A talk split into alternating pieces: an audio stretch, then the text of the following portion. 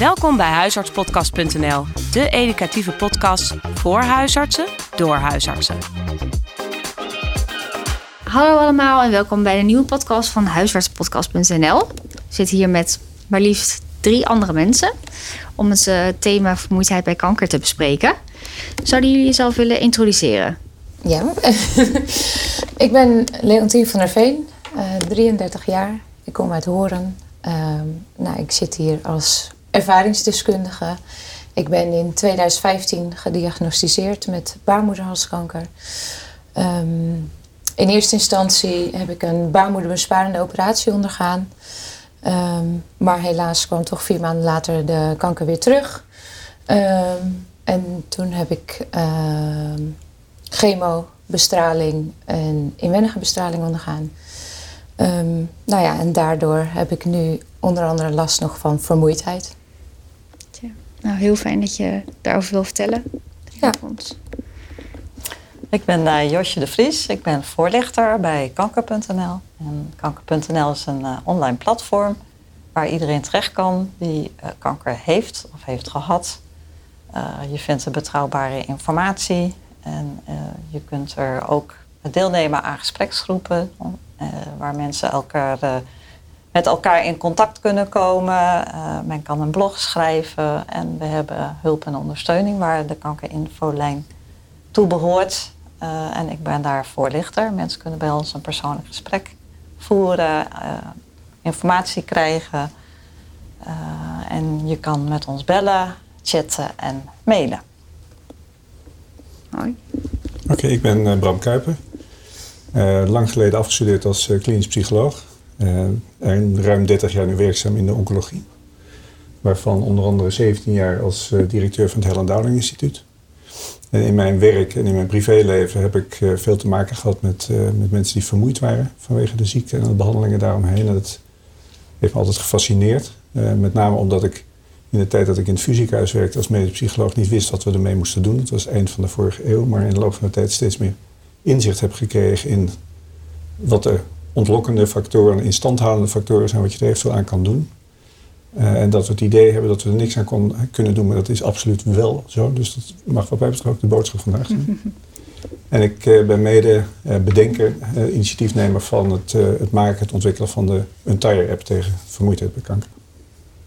Ja, een hele fantastische app. Daar gaan we het straks nog um, ja. meer over hebben. Dat verdient absoluut de aandacht. En we hebben een uh, gezamenlijk doel voor deze podcast geformuleerd. Hè? Wat het doel is, is om vermoeidheid uh, bij kanker uh, bij de huisartsen bekender te maken. En ze ook wat handvatten te bieden wat ze, hoe ze patiënten kunnen ondersteunen en misschien ook kunnen doorverwijzen. Ja, want merken jullie dat die vra vraag heerst bij patiënten met kanker? Ja, wij krijgen bij de infolijn veel vragen over vermoeidheid. Dat komt eigenlijk in alle gesprekken wel enigszins aan de orde. Ook al begint een gesprek heel medisch. Dan zie je heel vaak toch weer vermoeidheid uh, naar voren komen. En mensen weten vaak ook helemaal niet wat ze ermee kunnen. En blijven ermee rondlopen, vinden het soms ook normaal. Van je hebt je behandeling gehad, dus je moet eigenlijk niet meer zeuren. Uh, dus ja, het is echt wel een groot probleem. En ik denk dat uh, huisartsen daar ook een hele goede rol in kunnen spelen. Ja, een ontzettend belangrijk onderwerp is met ook heel veel invloed op kwaliteit van leven. Hè? En waarom is het belangrijk dat we dit bespreken? Ja, daar ga ik ook. Ik sluit nog even aan wat, wat jij net zei. Dat herken ik ook dat uh, het, een, het is het meest voorkomende probleem, bijwerking van, van de ziekte en de behandelingen. Daar gaan we het dan zo over hebben van wat dat, uh, welke oorzaken dat kan hebben als ik wel een verhaal hou voor een zaal, en dat doe ik veel eh, de laatste tijd in Nederland in allerlei ziekenhuizen, dan stel ik altijd een paar vragen vooraf voordat ik mijn verhaal vertel. De eerste vraag is: herkennen jullie vermoeidheid bij patiënten? En dan gaat bij iedereen de vinger omhoog. En dan de volgende vraag is: hebben jullie enig idee wat de beste manier is om ze te helpen? En dan blijven alle vingers naar beneden. En dat is denk ik de stand van zaken op, op dit moment. Laat wel wezen, wij hebben de beste zorg die je maar kan bedenken in Nederland. Fantastische artsen, fantastische verpleegkundigen. Maar ik denk dat er een soort onwetendheid nog bestaat over het feit wat vermoeidheid, wat de oorzaken daarvan zijn en wat je eraan kan, uh, kan doen. Um, wat de oorzaken zijn, dat is, dat is een veelheid van, van factoren. Het is niet één bepaalde oorzaak. Het kan zijn dat er medische oorzaak is, of dat de ziekte rechtstreeks vermoeidheid veroorzaakt. Dat de behandelingen, een combinatie daarvan. Uh, we weten natuurlijk de, effecten van chemotherapie en van immunotherapie en van bestralen. Maar al gauw komen er ook allerlei andere factoren die, die meespelen in de zin van psychologische en sociale factoren die uh, de vermoeidheid ook kunnen doen ontstaan en in stand kunnen houden. We weten dat 80% van, uh, van alle mensen in het eerste jaar na de diagnose vermoeidheid heeft en dat rapporteert. En op lange termijn is dat tussen de 30 en de 40 procent. Ik heb het wel eens uit zitten rekenen. Het gaat in Nederland om meer dan 350.000 mensen. Dus het gaat om, om enorme aantallen. Uh, en de vermoeidheid die langer dan een jaar duurt, dat is, bij onge dat, dat is vaak staat los van medische, direct aanwijsbare medische oorzaken. Um, en dat is denk ik een beetje waar we het over hadden. Als je niet kan handelen als arts, want zo zijn, zijn artsen ook opge, opgevoed en opgeleid, handelen, dingen, hè, mensen beter maken. En als dat niet voorhanden is, er is geen magische pil beschikbaar, wel tegen anemie hè, of, of, eh, of nierprobleem of wat dan ook, maar in algemene zin van langdurige vermoeidheid niet.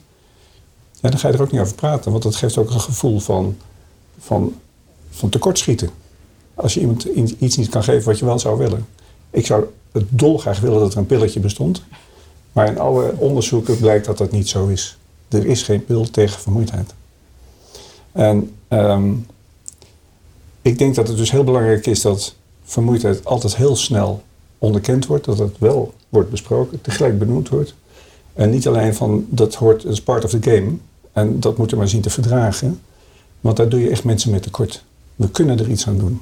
Nou, hoe zit het eigenlijk met vermoeidheid na, na kanker? Hoe werkt dat in het lichaam? Ja, als je echt een medische oorzaak uh, uh, wil weten, dan, dan zou je dat aan de medicus moeten, moeten vragen. Maar ik kan wel zeggen dat uh, er op het gebied van vermoeidheid bij kanker in, in medisch opzicht niet zoveel onderzoek is gedaan. Dus wat we ervan weten is meer in algemene zin van waardoor kan vermoeidheid ontstaan bij mensen.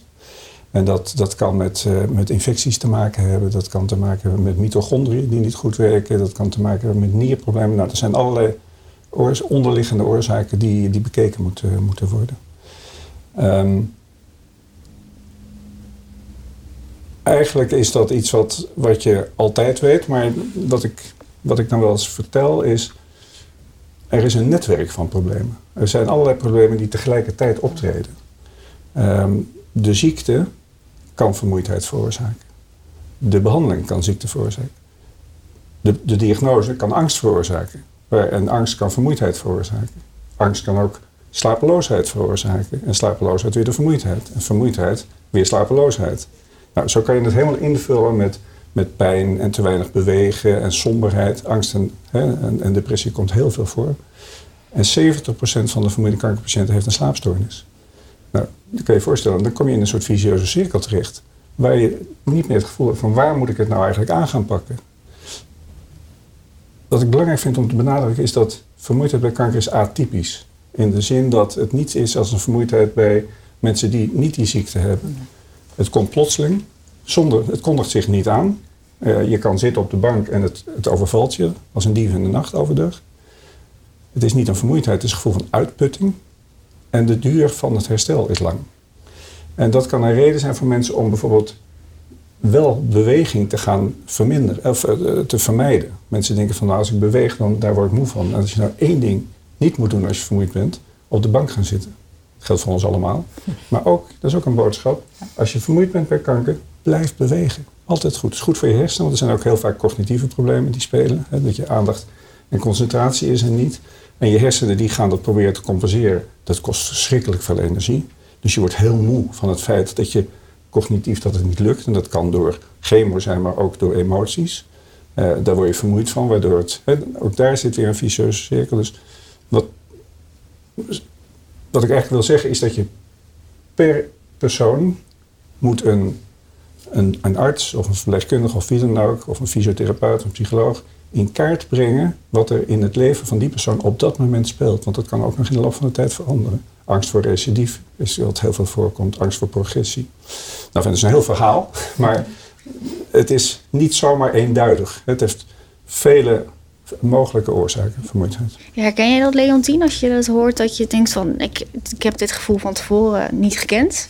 Ja, dat klopt. Ik, uh, een voorbeeld, vorige week uh, ben ik naar een uh, onderwijscongres geweest. Ik werk in het onderwijs. Um, nou, dat was anderhalf uur rijden. Veel luisteren, ook wel dingen doen. Um, en terug naar huis merkte ik al van, nou, nou ja, daar komt een man met de hamer. En eenmaal thuis was ik zo moe. En mijn partner die vroeg van, hoe is het, hoe is het geweest? Ik zei, ik kan even gewoon niet praten. Gewoon zo moe. En dat is heel anders dan wanneer iemand normaal vermoeid is. En dat is ook heel lastig om uit te leggen aan mensen die dat niet ervaren. Want iedereen zegt wel eens van, ja, ik ben wel eens moe. Maar uh, ja, het is alsof je een klap van de molen krijgt. En uh, ja Welke impact heeft de vermoeidheid op patiënten? Um, nou ja, het is sowieso heeft het als impact dat je niet meer alles kunt doen wat je vroeger deed. Ik zeg altijd, ik leef nu op 75% van mijn uh, energie. Um, maar het heeft ook impact op je concentratie, op je geheugen. Als je vermoeid bent, ja, dan ben ik ook minder geconcentreerd, ben ik veel sneller afgeleid. Um, maar ja, dat is ook weer die vicieuze cirkel. Je probeert je te concentreren, daardoor word je nog weer vermoeider. Um, maar ja, ook op mijn geheugen. Ik heb af en toe gewoon complete blackouts. Dat ik bij het tankstation sta en ik ga pinnen. Of tenminste, ik probeer te pinnen en dan weet ik hmm. mijn pincode niet meer. En die kan ik dan rustig tot drie keer toe fout intoetsen. En dan kan je het niet uitstaan dat je denkt, waarom weet ik mijn pincode niet meer? Die heb ik al heel lang. Maar dat is dan de vermoeidheid die toeslaat. En dan, uh, ja, dan is het gewoon even een zwart gat. En hetzelfde met opname komen van mensen. Um, of ik ben in een gesprek en dan weet ik ineens niet meer wat ik aan het vertellen ben. Nee. Dus uh, ja, dat zijn wel de dingen die allemaal samenhangen met, met die vermoeidheid. De overweldigende vermoeidheid die je ineens kan opzetten. Ja. En uh, hoe is dat voor jou? Um, nou ja, het is vervelend. Um, maar je leert er ook wel mee omgaan. Um, en in die zin dat ik gewoon weet van ik heb minder energie dan dat ik had voor de ziekte. Um, ja, en daar probeer ik rekening mee te houden. Die vicieuze cirkel waar je in komt, van slapeloosheid, concentratiestoornis, het ene wekt het andere weer op.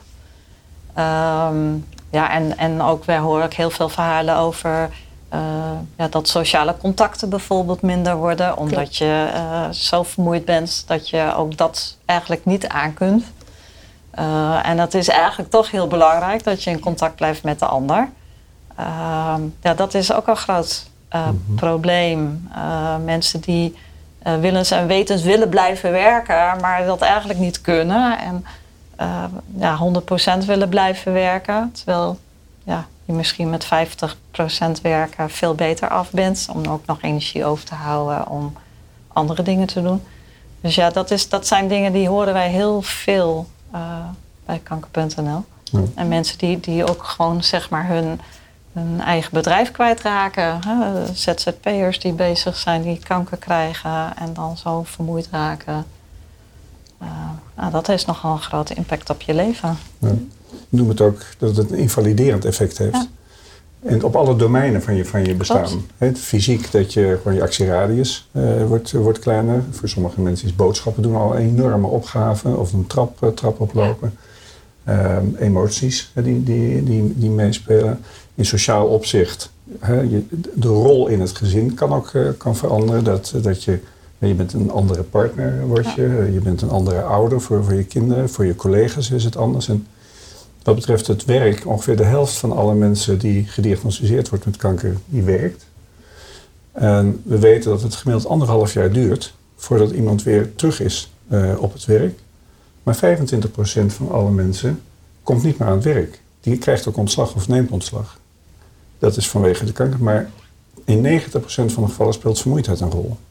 Los van hebben andere zaken, dat je ook werkomstandigheden en, en het contact met je collega's en met, uh, met, met, je manager. Uh, dus wat je ziet is dat uh, mensen ook geneigd zijn en soms uit, uit meelevendheid van, van de werkgever dat ze zeggen, nou blijf maar thuis.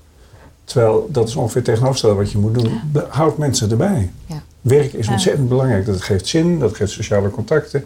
En er zijn aanwijzingen dat het helpt ook bij het herstel. Ja. Niet zozeer bij genezing, maar wel bij het herstel. Ja, twee, tweeledig. En blijf werken. Eh, ik heb wel zelf ook altijd dat ik ziek was, wel contact eh, ben blijven houden met de werkvloer. Alleen op een gegeven moment, eh, na mijn behandelingen, heb ik vier maanden lang wel ja, een no-go gekregen om te werken, omdat mijn bloedwaarden allemaal zo laag nog waren. Ehm, dat het niet verstandig was om te gaan werken. Maar goed, ik ging wel af en toe heen eh, even een kopje koffie Ja. drinken. Dat Ja. je wel het contact houdt. Ehm, maar wat ik vooral ook nog heel erg belangrijk vond, wat ik heb gemist, is het blijven bewegen, blijven sporten. Mijn conditie was zo naar beneden gegaan. Terwijl voordat ik ziek werd, liep ik een halve marathon. Ja. En eh, ik denk, ja, dat vind ik zelf ook een hele belangrijke. Er werd net al gezegd, het is ook belangrijk voor je, eh, hè, voor je, voor je concentratie en je geheugen en je vermoeidheid. Ja. Maar ook je, ja, je, je, je, je fysieke... Want dat was jou destijds, is jou destijds niet specifiek benoemd. Nee, had dat jou is- achteraf gezien wel geholpen. Ja, dus ik zeg altijd tegen iedereen eh, die ik ken, die in mijn omgeving, die de ziekte te, te, te maken krijgt met de ziekte. Blijf bewegen. Ga of naar oncologische fysiotherapie, maar blijf bewegen. Nou, dat bewegen is ook al heel belangrijk eh, Ja. als je bijvoorbeeld in je behandeling zit. Ja, Want heel veel mensen denken dan van ik mag ook niet bewegen als ik behandeld word. Mhm. En het is juist heel belangrijk om daar al te beginnen. Ja. Van wat kan. Ja. Dus je moet jezelf niet overvragen, maar Precies. wel wat kan. En ja, vraag daar ook gewoon hulp bij, want dat, dat is er. Ja. Zijn allemaal best wel adviezen die jullie natuurlijk ook vaker geven, denk ik, bij kanker.nl. Ehm, en ja, ik kan me ook voorstellen dat het een soort van een discrepantie is tussen wat je vertelt. Dat is echt zoiets wat je dan een ander vertelt. Dat je denkt van ja, dat is ook zo. Maar voor jezelf dan ontzettend lastig is. Hoor je dat terug over ja, hoe men- ervaren mensen die adviezen en hoe, eh, hoe wordt dat ervaren? nou ja, als ik naar mezelf kijk. eh, ik, nou ja, ik ben een heel energiek persoon. eh, nog steeds wel, maar ik had nog veel meer energie. Ehm, en dat mensen mij gingen vertellen van... eh, je mag nog niet aan het werk. Of eh, je moet, mag dit niet doen, je mag dat niet doen. Dan zei ik van, nou, dat zie ik zelf wel. Dat bepaal ik zelf wel.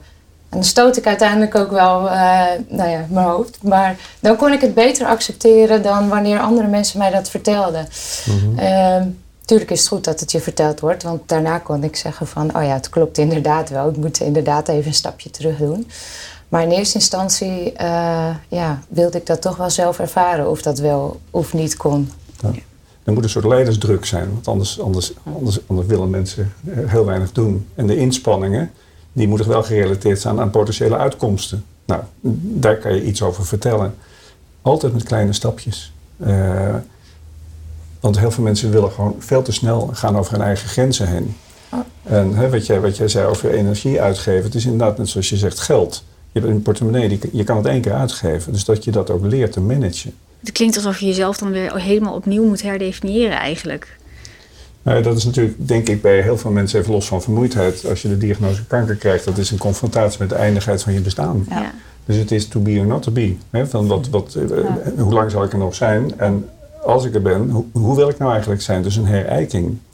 Nou, daar zit die vermoeidheid ook, eh, ook bij. Ja. Het- ik denk dat, we, eh, dat het belangrijk is om niet, te, niet complexer te maken dan het is, maar in kaart te brengen van wat er al bestaat. En daarmee te normaliseren. Eh, en ook, ook begrip tonen voor, tuurlijk heb je een slaapprobleem. En natuurlijk komt die vermoeidheid erbij. En, en tegelijkertijd ook er weer moed in te spreken. Ja. Zonder dat je zegt, valse hoop geeft. Nou, je kan weer terug. Je, je zegt 75% Fantastisch. Als je dat accepteert, waar je vroeger 100% zat, dan, dan, heb je, dan raak je al minder energie kwijt. Want als je altijd maar zegt van, het moet anders en het moet anders, ik wil het anders doen, dat is, dat is je lek. Ja. Daar, daar Ja. loop je op leeg. Ja. Ja, die heb ik gehad, dat lek. Ja. Want dat ik uiteindelijk weer aan het werk ging eh, na, vier maanden nadat ik mijn laatste behandeling had gehad. Ja, toen wilde ik zo snel mogelijk gewoon weer dat alles normaal was. Dus binnen zes weken was Leontien weer fulltime aan het Mhm. werk. Ja. Tegen advies in van de bedrijfsarts. Die wilde wat rustiger aan opbouwen. Maar ik had zoiets, ja, ik ben er weer. We gaan er weer voor. Nou, en dat heb ik denk ik eh, bijna twee jaar volgehouden. En toen kwam alsnog eh, de klap dat mijn lichaam, ik kon gewoon niks meer. Ik voelde me weer hetzelfde als dat ik aan de chemo zat. Als ik had gedoucht, moest ik op bed gaan liggen om bij te komen van het douchen. En eh, nou ja, daar heb ik wel heel erg van geleerd. Van, nou ja, je bent niet meer de Leontien die je was voordat je ziek werd.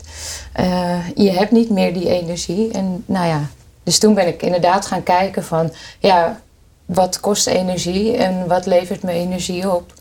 En om daar wat meer balans in te gaan krijgen. Wanneer kan je het beste beginnen met te bespreken met vermoeidheid die kan ontstaan na kanker? Ja, wat mij betreft zo snel mogelijk. Direct vanaf het begin. En niet zeggen, hè, je, je gaat vermoeid worden en uh, hou er maar rekening mee en, uh, en, en, en, verstop jezelf en het gaat over je heen als een soort storm en het, en het komt weer goed. Nee, dus vrij in het begin. Ik denk ook dat er, er is vrij veel in Nederland wat je kan, kan doen. Hè? Even los van wat je er zelf, zelf aan kan doen. Maar er is nogal wat, wat zorg binnen en buiten ziekenhuizen. Als je, hè, de fysiotherapie. En, en, misschien kan jij daar straks nog iets van vertellen vanuit, vanuit jullie achtergrond. Um, psychologische behandelingen. Nou, de app die, we gemaakt hebben. Maar het heeft alles met timing te, te maken. Um, als je de diagnose hebt gehoord en je zegt van nou, dit is de vol en dat boek moet u lezen en u moet gelijk naar de fysiotherapeut en die app ook doen, dat, hebben mensen hebben de tijd niet voor, daar staat het hoofd niet naar. En dan gaat het je tegenstaan, dan, dan is het advies eh, helemaal niet werkzaam. Dus het is in ziekenhuizen per afdeling bekijken, per type kanker, per, per type behandeling, op welk moment je het, het moment is om iets te initiëren, wat het ook is, uh, maar dat het wel een onderdeel van het zorgpad wordt. En dat het bijna vaststaat in, in, in, in, het, uh, in je uh, patiëntendossier. Van nu moeten we er een keer over gaan praten. Even los van dat het daarvoor, maar nu moeten we een keertje gaan praten. Nu moeten we gaan meten. Hoe, hoe vermoeid ben je? Want ik ben ervan overtuigd dat als het lukt om meer mensen in de eerste fase, het eerste jaar na de diagnose, al te helpen bij vermoeidheid, dat we veel minder mensen gaan krijgen die chronisch vermoeid zijn. En dat is een geweldige winst in je levenskwaliteit. Maar maakt het nog uit of je dan een, het type kanker, bijvoorbeeld hoe ver gevorderd het is, voor de kans op vermoeidheid ontwikkelen daarna? Nee, er is, er is uh, eigenlijk is er geen één op één relatie. Wat je wel ziet is een soort stapeling. Uh, als je, hoe meer bestraling je hebt gehad en hoe meer chemo je hebt gehad, hoe groter de kans op, op vermoeidheid. En je ziet ook wel bij bij lymfomen, bij leukemie en zulke dat, dat de kans op, op vermoeidheid wel iets, iets groter is dan bij anderen. Maar bij iedereen, iedereen loopt de kans op, uh, op vermoeidheid. Dus dat betekent dat we de, uh, bijvoorbeeld de vrouw die uit het mama-onderzoek naar voren is gekomen en een, ja, een operatie gehad heeft, eigenlijk geen uitzaaiing heeft gehad, dat we die daarin hetzelfde moeten benaderen als iemand. Absoluut. Ja. en je merkt ook dat sommige ehm, helemaal niet zo, hè, wat jij ook had, niet zo direct misschien die vermoeidheid ervaart. Maar soms in één keer na een jaar komt het als, als een donderslag bij heldere hemel. En begrijpen mensen echt niet waar het door komt. Mhm. Wat kunnen we patiënten allemaal bieden? Je kan uh, terecht uh, bij psychologen, je kan naar uh, oncofysiotherapeuten. Daar zijn echt fysiotherapeuten die meer weten van de impact van kanker. Um, die kun je allemaal vinden uh, Via Onconet? Ja, ja. Onconet. Uh, ja, wij hebben een hele pagina over vermoeidheid. Dus ik zal straks nog een keertje het linkje echt noemen. Dat is voor de huisarts ook heel prettig. Er staat alles op. Mm -hmm. Er staan de apps op, er staan de, de, de fysiotherapeuten, inloophuizen, noem maar op. Alles wat je maar kan bedenken wat je zou kunnen helpen, uh, staat daarop. Kun je mensen naartoe verwijzen, mensen kunnen zelf lezen. kun jij iets vertellen over je app? Ja, met alle plezier. Um, en waarom? Omdat we hebben iets gemaakt op basis van nou, de klinische ervaring die ik heb, die tientallen jaren. Maar ook op basis van het onderzoek van het Helen Dowling Instituut. Uh, internationaal wetenschappelijk onderzoek. In jaren hebben we daaraan gewerkt en anderhalf jaar geleden in de Engelse versie uh, en, en, ook daarna de Nederlandstalige versie. We hebben nu 23.000 mensen kunnen helpen in de loop van de tijd, want dat is denk ik ook het voordeel van, van een app je kan opschalen. Het is een zelfmanagementprogramma. En het is, wat ik belangrijk vind, is dat het in lijn is met de internationale standaards, de richtlijnen voor de behandeling, de diagnostiek en behandeling van vermoeidheid. Uh, en wat, wat het programma eigenlijk biedt, in, in, globaal, is dat we één, informatie, hè, de achtergrondinformatie, begrijpelijk maken van waarom je vermoeid bent en hoe dat allemaal zit. Maar tegelijk ook concrete handvaten geven. Um, wat we willen is mensen mentaal en fysiek te activeren en actief te houden. Um, en van belang is de energie die je hebt te, te managen. Dat, is, eh, dat is in feite wat jij ook allemaal zegt. Het is dus geen, eh, geen, geen rocket science in, in de app, maar we hebben wel alles bij elkaar gebracht. Eigenlijk zou je kunnen zeggen, het is, het is een soort digitale uh, herstel en balans. met, veel meer, met veel achtergrondinformatie.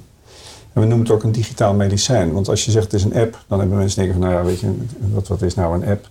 Maar het is een heel veel om, het is een omval, veelomvattend uh, programma. Het is een heel rijk programma, zeg ik het zelf. En ik durf dat nu ook te zeggen, omdat er is, we hebben onderzoek laten doen door de Universiteit van Groningen naar de effectiviteit. En daaruit blijkt dat de mensen die hem gebruiken, na twaalf weken significant minder moe zijn en meer levensgeluk ervaren dan de mensen die hem niet gebruiken.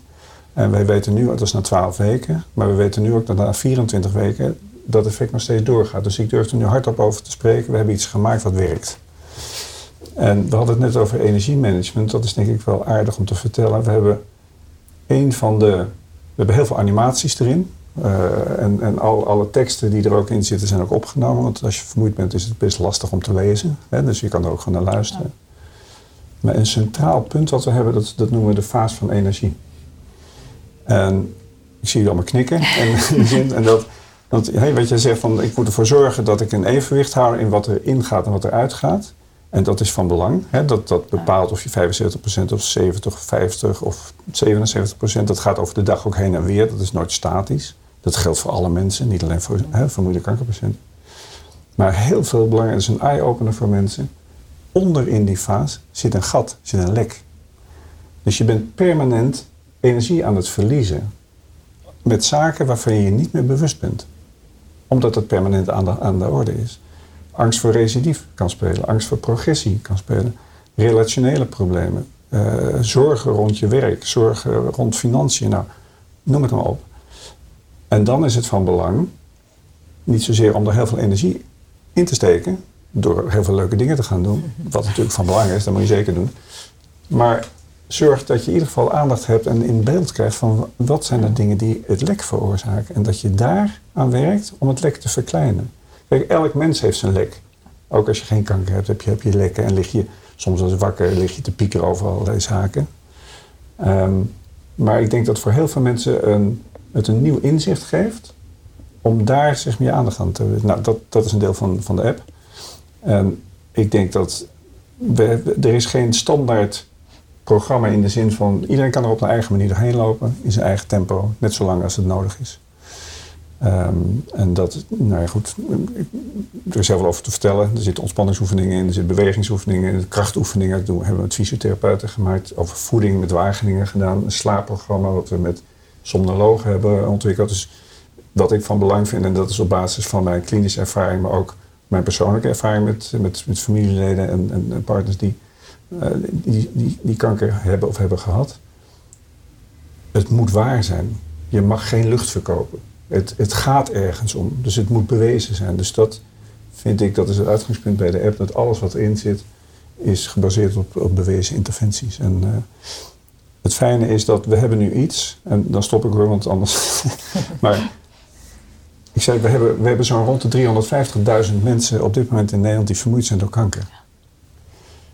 Per jaar, heb ik zitten berekenen, behandelen we ongeveer 5000 mensen heb je 70 jaar nodig om de huidige groep vermoeide kankerpatiënten te behandelen. Dat kan niet.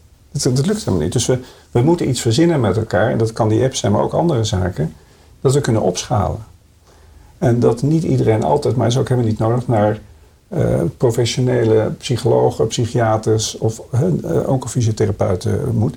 Hartstikke goed dat, dat dat bestaat, maar er zijn ook even mensen die al geholpen kunnen worden bij hele basale ja. informatie.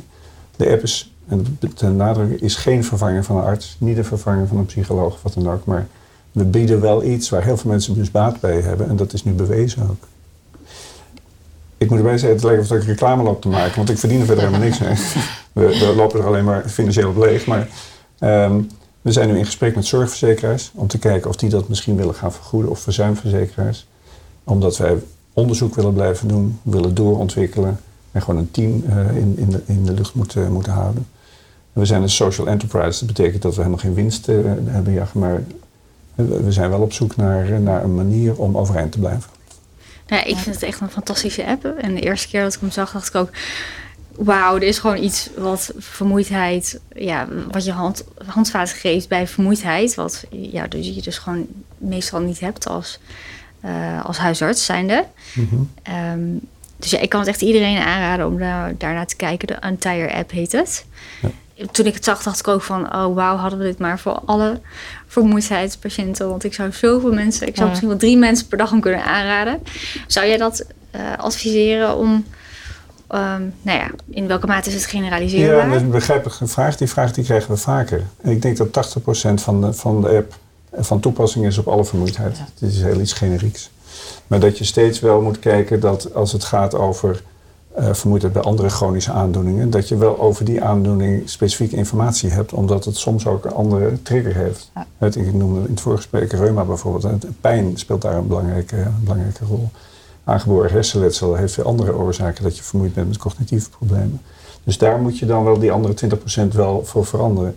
Maar je zou prima aan iemand kunnen voorschrijven met de restrictie van het gaat over kankerpatiënten, maar het gaat ook over jou terwijl je geen kanker hebt. Dus dat zou kunnen. Heb jij het idee dat het ook weer van je verwacht wordt na een bepaalde tijd? Dat je op, dezelfde, op hetzelfde niveau functioneert als daarvoor?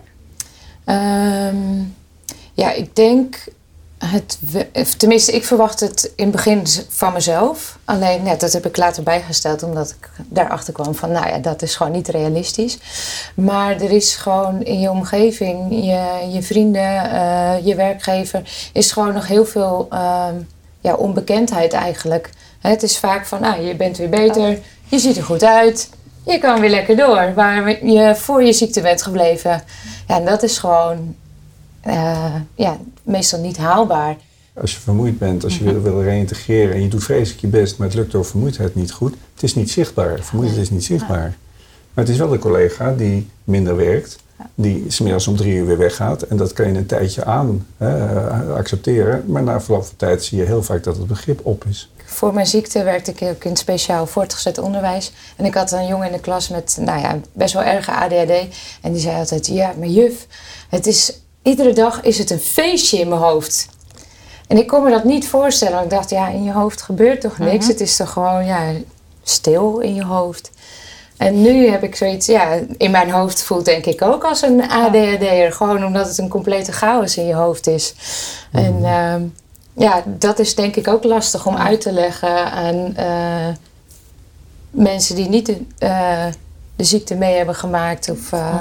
ja, er wordt wel eens gezegd, om het heel deftig te zeggen, dat is een perceptiestoornis. In de zin van, nou, je zit er op een foute manier tegenaan te kijken. Als je je gedachten maar verandert, dan, dan word je minder moe.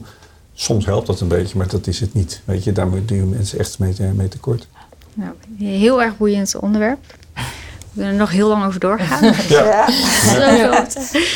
ja. um, heel relevant ook. Ik, ik, ik, voel in ieder geval heel erg inderdaad het besef dat hoe belangrijk het is om het vroeg te benoemen. En uh, ook hoeveel werk er eigenlijk nog aan de winkel is. Als ik hoor hoeveel ja, onbegrip en misschien ook onwetendheid je nog stuit als uh, kankerpatiënt. Als je met vermoeidheidsklachten kampt. Dus hoe belangrijk het is om in het begin al te erkennen. En in het begin al aan te geven dat het kan komen. En dat je daar echt een hele hoop uh, verschil in kan maken. Ja, ik denk dat het heel belangrijk is dat iedereen...